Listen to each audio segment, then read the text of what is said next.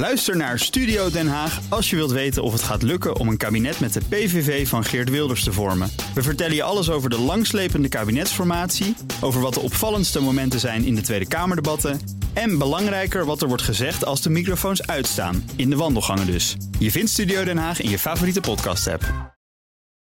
De column van Paul Lasseur. Mijn Pinksterweekend eindigde vorige week met een spoedopname in het ziekenhuis. De plotselinge buikpijn bleek geen mannengriep, maar een acute ontsteking van de galblaas. En die moest er meteen uit. Niet zo'n prettige maandag dus, maar wat een belevenis. Voor iedereen die nooit eerder wat mankeerde en hoogstens tijdens bezoekuren een ziekenhuis van binnen zag, een echte aanrader. 48 uur in een streekziekenhuis. Je krijgt zelfs zo'n groen festivalbandje om je pols.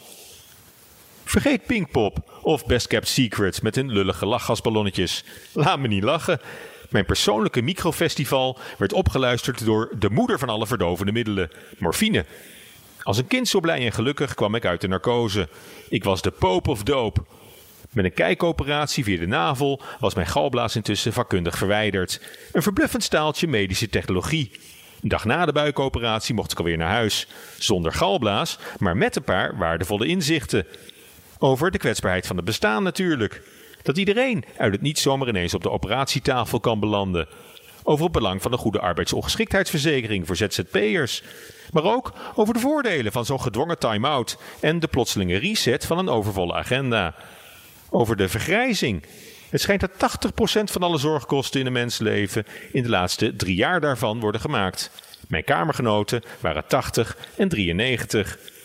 Maar vooral ook over het vakmanschap en de enorme toewijding waarmee zorgprofessionals hun werk uitvoeren, onder hoge druk. Alle clichés zijn waar. Nergens ter wereld is de zorg zo goed geregeld als bij ons. Dat is een waardevol en kostbaar bezit waar we uiterst zorgvuldig mee moeten omspringen. Uiteraard. Maar het kan zeker geen kwaad even stil te staan bij het waanzinnig hoge niveau van medische zorgverlening dat we in Nederland hebben bereikt. Daarnaast ervoer ik een plotseling besef van culturele identiteit. Het ziekenhuis namelijk is de perfecte afspiegeling van de Nederlandse samenleving. Een dwarsdoorsnede van de maatschappij. Zeker bij de spoedeisende hulp in het weekend. Tussen gehavende klussers en bejaarde slachtoffers van e-bike ongevallen. Dat zouden ze nieuwkomers in ons land moeten aanbieden. Twee dagen ziekenhuisopname. Het is de perfecte inburgeringscursus. Op een vierpersoonskamer, zonder privacy. Met om half zes aardappelen met jus. En bij vertrek eerst nog een nummertje trekken bij de apothekersbalie. Hollandser kan bijna niet. Wat ik me alleen afvraag is welk bureau toch die namen verzint voor gefuseerde zorginstellingen.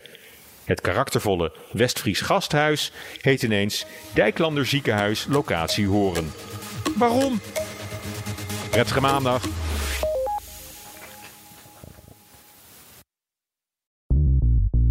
BNR ben je altijd als eerste op de hoogte van het laatste nieuws. Luister dagelijks live via internet. Bas van Werven. En heel langzaam komt de zon op rond dit tijdstip. Je krijgt inzicht in de dag die komt op BNR, het Binnenhof in Nederland en de rest van de wereld. De Ochtendspits. Voor de beste start van je werkdag. Blijf scherp en mis niets.